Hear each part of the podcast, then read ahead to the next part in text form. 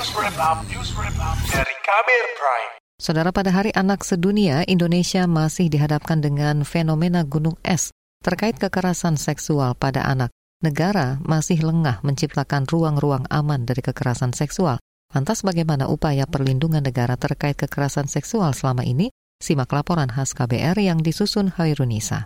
Kementerian Pemberdayaan Perempuan dan Perlindungan Anak mencatat angka pengaduan kasus kekerasan seksual khususnya pada anak mencapai ribuan dan sudah mengkhawatirkan. Berdasarkan data Sistem Informasi Online Perlindungan Perempuan dan Anak, pada 2019 ada 6.000 kasus kekerasan seksual.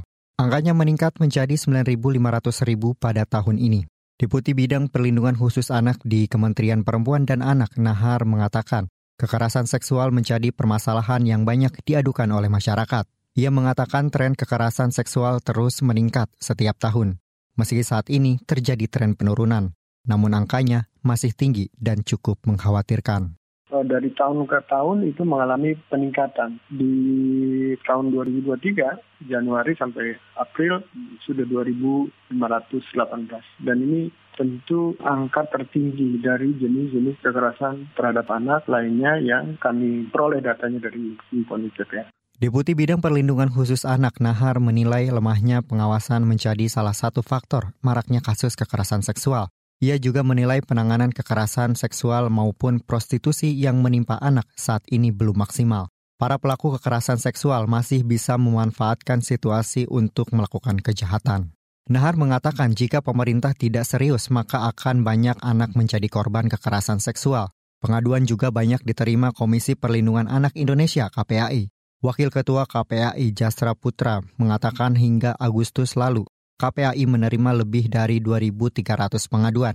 Dari jumlah itu hampir 500 laporan terkait kekerasan seksual dan 230-an kasus anak menjadi korban kekerasan fisik dan atau psikis ada 15 jenis perlindungan khusus anak itu eh, yang paling tinggi di kasus aduan KPAI adalah eh, anak eh, mengalami kejahatan seksual, kemudian kekerasan fisik, penelantaran ya, kemudian eh, juga anak berhadapan dengan hukum baik sebagai pelaku, korban dan saksi. Wakil Ketua KPAI Jasa Putra mendorong agar berbagai peraturan yang ada diterapkan secara maksimal agar jumlah kasus kekerasan seksual anak bisa ditekan dan tidak terus meningkat. Jasra mengingatkan pentingnya negara memenuhi lima klaster pemenuhan hak anak Indonesia. Lima klaster hak anak itu adalah hak sipil dan kebebasan, lingkungan keluarga dan pengasuhan alternatif, kesehatan dan kesejahteraan keluarga, pendidikan, waktu luang, dan aktivitas kebudayaan serta perlindungan khusus. Salah satu tempat terjadinya kekerasan seksual adalah sekolah. Federasi Serikat Guru Indonesia FSGI menyebut pada awal-awal tahun ini terjadi 22 kasus kekerasan seksual di lingkungan sekolah dengan jumlah korban 202 anak. Artinya, jatuh satu korban kekerasan seksual setiap satu minggu. Ketua Dewan Pakar FSGI Retno Listiarti mengatakan kekerasan seksual di lingkungan pendidikan disebabkan karena aturan tidak ditegakkan, termasuk kewajiban sekolah membentuk Satgas Anti Kekerasan. Padahal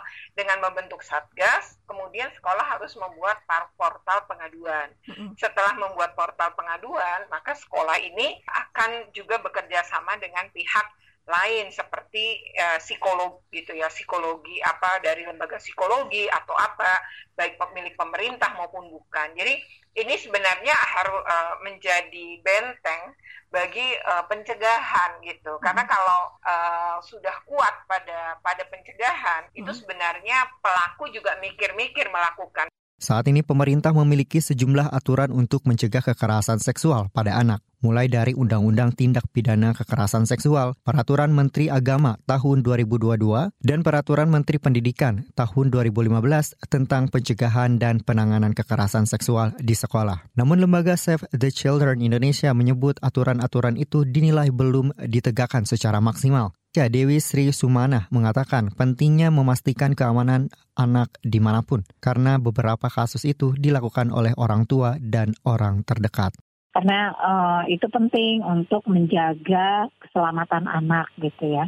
Lalu juga yang kedua memastikan bahwa anak aman gitu ya dalam konteks kasus kekerasan seksual. Beberapa kasus uh, dilakukan oleh orang tua atau orang terdekatnya, maka ini penting untuk memastikan anak aman gitu. Uh, lalu juga tentu perlu ada uh, tindakan tegas ya kepada pelaku kekerasan seksual. Dewi Sri Sumanah juga mendorong semua pihak mendengar suara anak, serta lebih berpihak kepada korban kekerasan seksual. Sebab anak kerap mendapat risiko ganda, yakni korban kekerasan seksual dan korban perundungan. Demikian laporan khas KBR disusun Hoirinisa, saya Hero Hetami.